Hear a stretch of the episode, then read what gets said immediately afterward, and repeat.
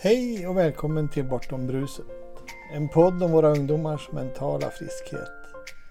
Vi som gör den är jag, Ivan Karlsson, och min kollega och kära vän Cecilia Hector. Vi har båda stirrat mörkret i vitögat och tagit oss ur det mörkret. Nu vill vi visa på vårt medfödda välmående och att vad som än händer omkring oss kan vi må bra. Att det är okej okay att inte vara okej. Okay. Att det bortom bruset finns en piccoloflöjt. Välkommen och tack för att ni lyssnar.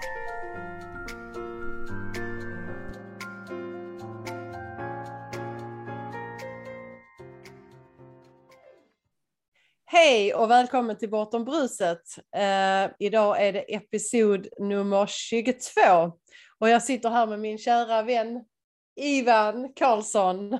Hej Cecilia! Hej Ivan! Hur mår du? Jo tack, jag mår bra nu faktiskt. Ja. Det gör jag och uh, idag så har vi tagit hit uh, Vera Norsten. Ja. Det var rätt va? Ja. Uh, och Vera och jag har haft lite grann kontakt på LinkedIn. Mm. Och skrivit lite till varandra och jag har läst Veras inlägg och jag tycker att de är fina och de harmonerar med eh, det som jag och Ivan eh, försöker lyfta upp här i denna podden, att man eh, tittar på människors, vad vi människor är och närvaro med människor, kärlek till människor, ja, eh, att bli sedda helt enkelt eh, ja. och inte vara i någon sorts utanförskap. Och, eh, där, eh, där tycker jag att vi connectar på jättebra eh, sätt. Och. Vera, du driver ju eh, kvartersgård, ja. familjevillan. Så jag tänker att du ska själv få presentera dig och berätta vad Eh, vad det, vad det är som har gjort att du har hamnat i det här uh, arbetet som du gör och, och vad det är för arbete du gör. Ja. Så varsågod. Tack. Ja, nej men eh, egentligen är det här ett eh, livslångt arbete eftersom att det här har varit eh, någonting som jag har velat sedan jag var väldigt ung. Det började nog i gymnasiet, då blev jag erbjuden av Bullen, minns ni det programmet med Martin mm. och Silla? Att göra en film som de brukade göra, så här, det är inte tjejen i filmen som skriver brevet. Mm. Eh, men jag tackade nej för att mina syskon eh, var inte riktigt eh, där med hur vi hade det. Mm. Min lillebror var väldigt ja, men hemlighetsfull utåt hur vi hade det mm. hemma. Mm. Så han bad mig verkligen att gå inte ut för folk kommer att fatta att det är vi.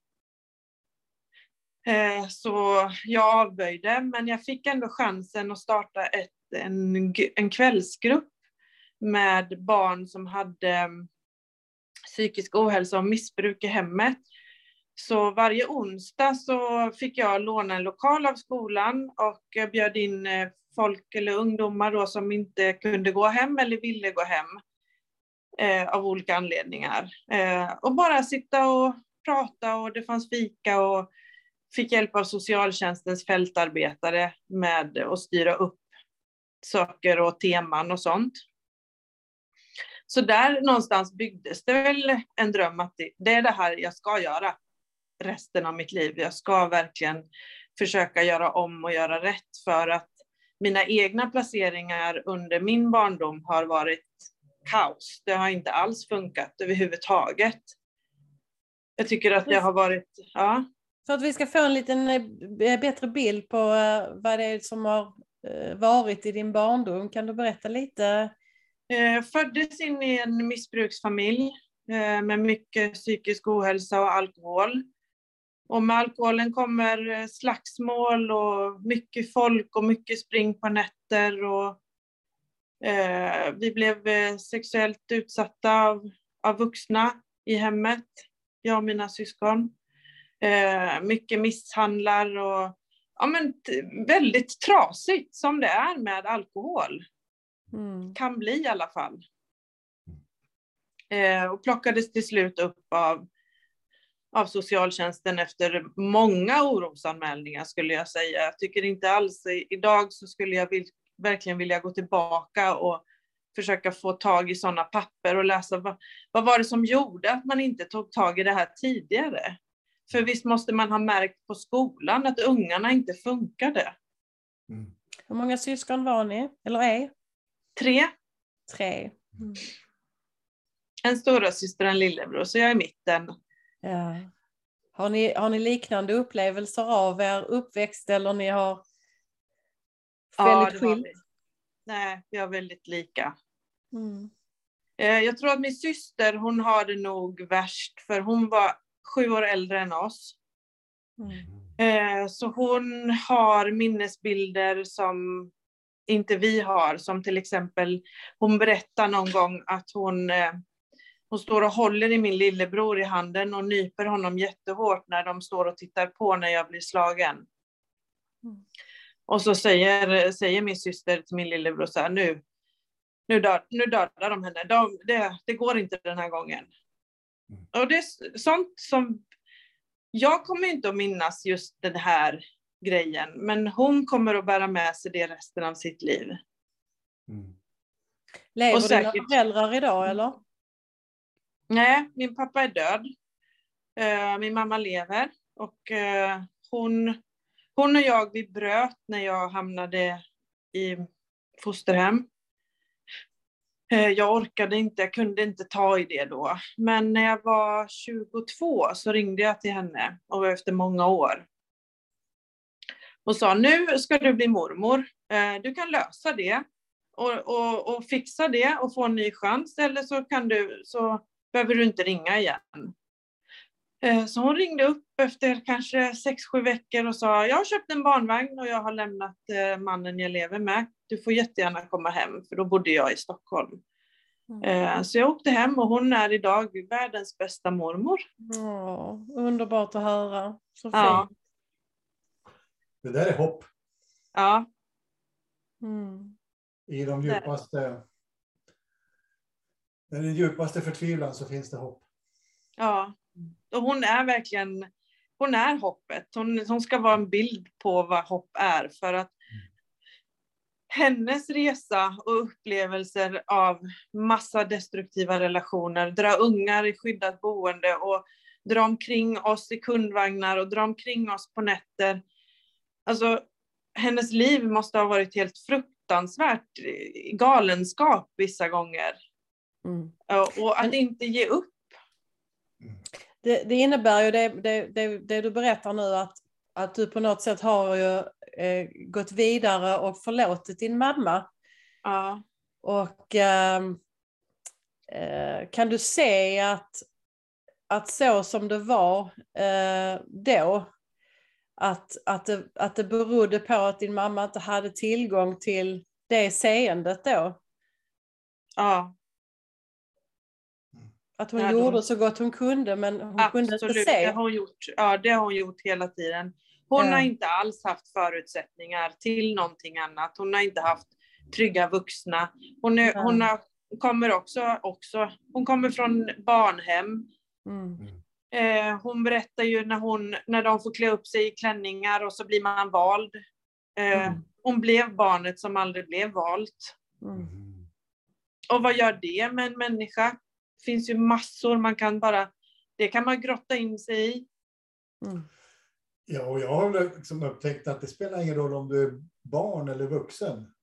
När du, blir, när du inte blir vald så tar det lika hårt hur gammal du än är. Ja. Hur ser du på det här med dömande? Jag har svårt att döma. Mm.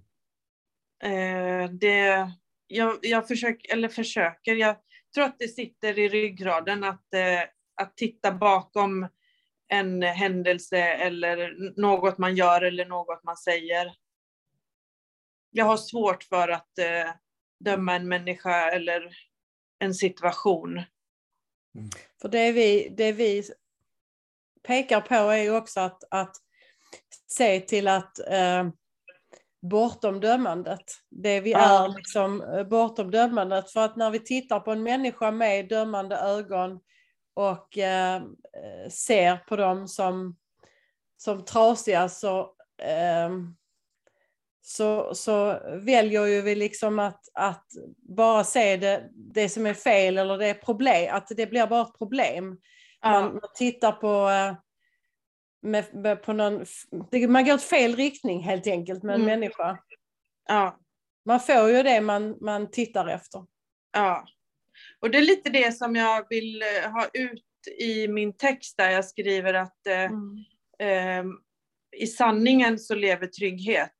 Trygghet Mm. lever, alltså om du inte är trygg så kommer du alltid att försköna dina situationer. Du kommer alltid att inte kunna säga som det är. För att vi är så bra på att döma och sätta Mm. varandra i fack.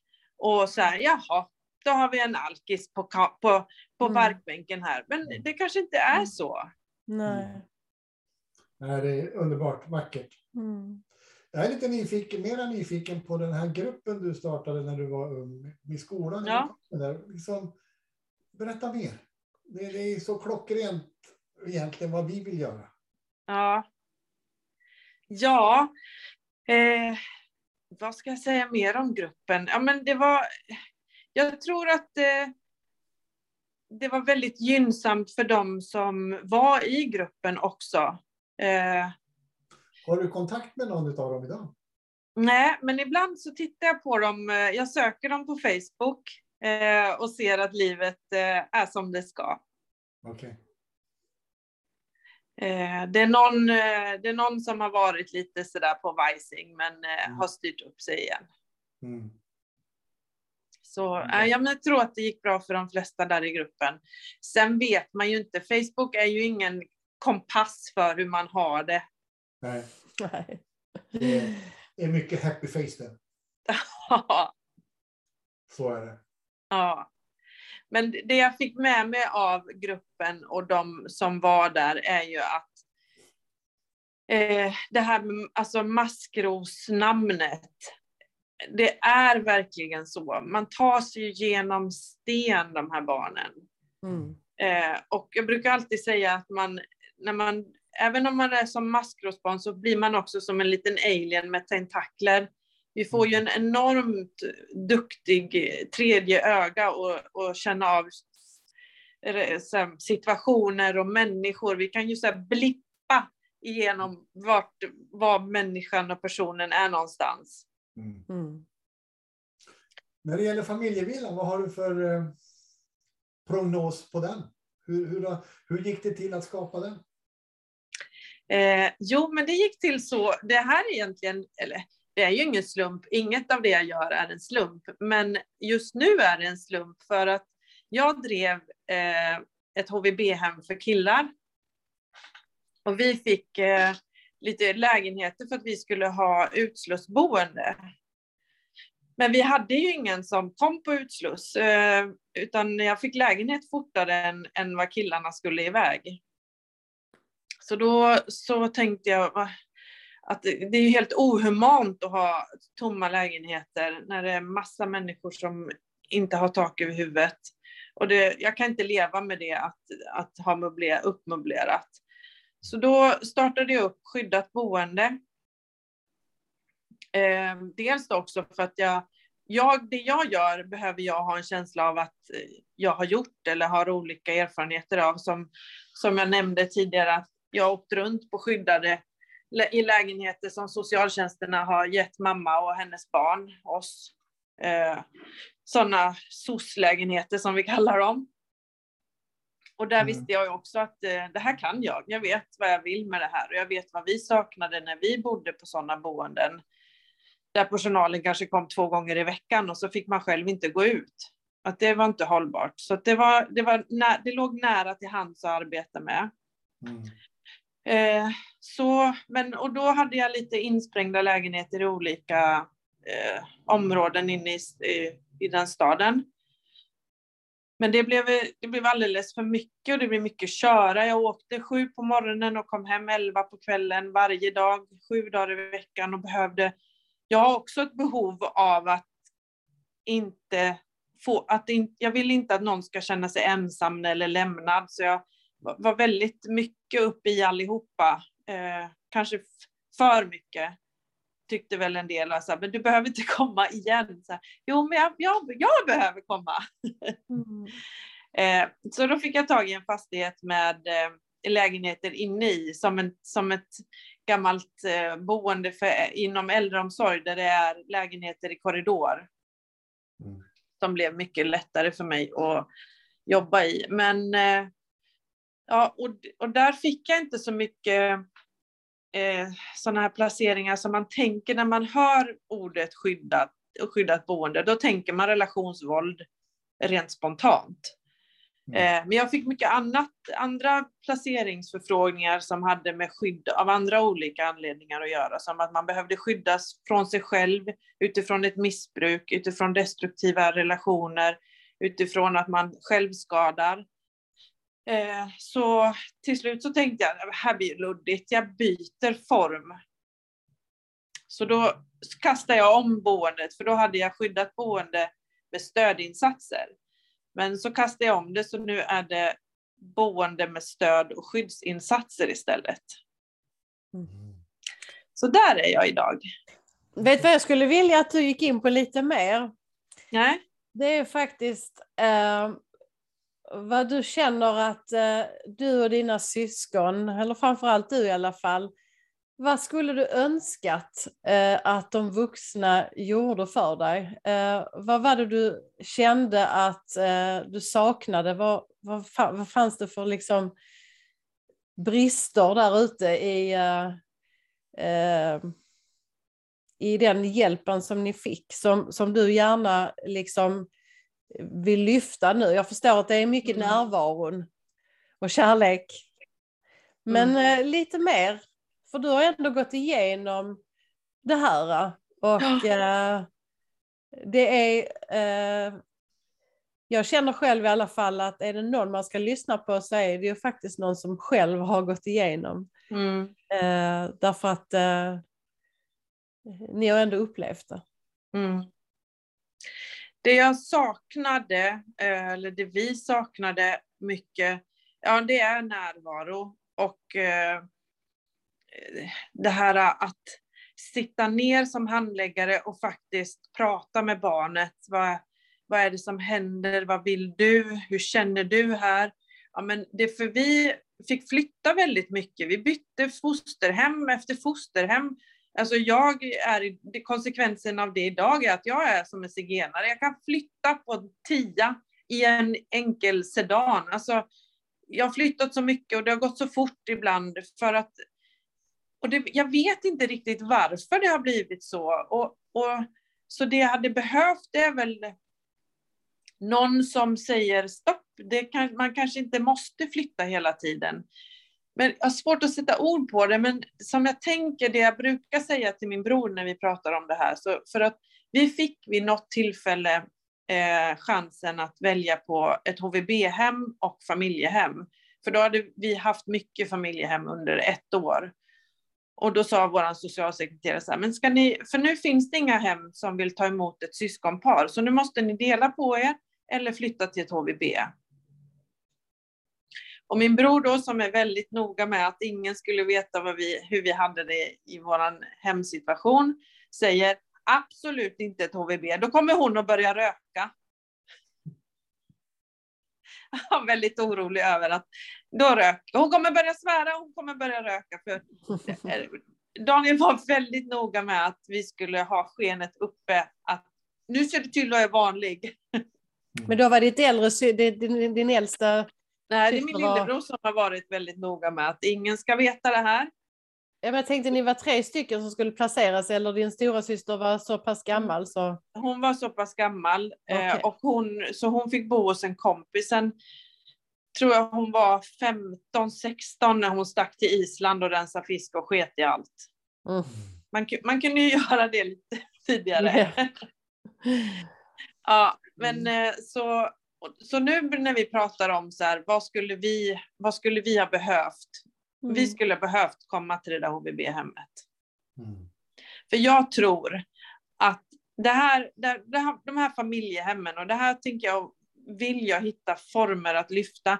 För att det är så noga med att när man kommer till ett fosterhem eller ett familjehem som det heter idag så är de så noga med att försöka vara någon ställföreträdande förälder.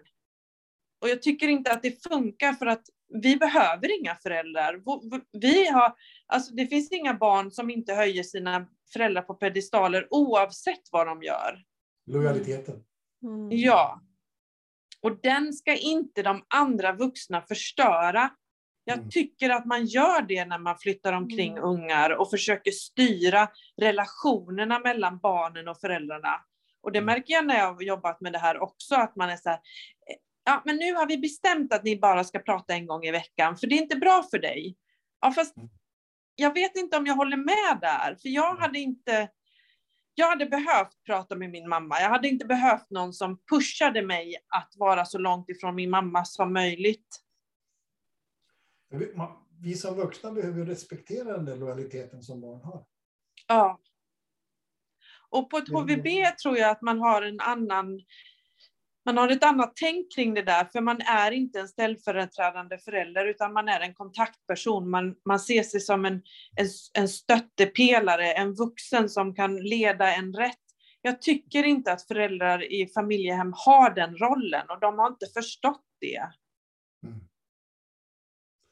Underbart Vera. Helt mm. fantastiskt. Och vi har passerat 20 minuter. Ja. Fast vi var lite sena på det. Det gick fort. Ja, det, det, det, gör ju det. Men då gör vi hellre en, en del två som jag mm. tror att både jag och Cecilia skulle kunna se fram emot. Absolut. Mm. Verkligen, jag med. Jag vet också titeln på det här avsnittet. Ja. Och det är alltså på engelska blir det A Story of Hope. Ja. Fint. Uh, det du berättade om den här gruppen i skolan, det, det liksom sjönk in här för mig. Det, det ja. är så vackert, så vackert, så vackert. Eh, tack Vera. Tack så mycket. Tack för att du kom. Men eh, där når man också på sociala medier ju. Det finns, mm. eh, du har en hemsida med eh, familjevillan. .se ja. .se. Mm. Och eh, vi kommer att skriva om det i eh, Ja, i, i texten. I texten. Ja. Eh, det här kommer ju då på, som podcast, eh, ljud, och så lägger vi ut den också som film, klipp ja. på, på Youtube. Eh, så att eh, ni kan se oss, ni kan höra oss. Eh, mm. Så eh, tack för idag Vera, jag ser fram emot del två. Mm. Jag med, tack så mycket. Tusen tack kära Vera. Tack själv.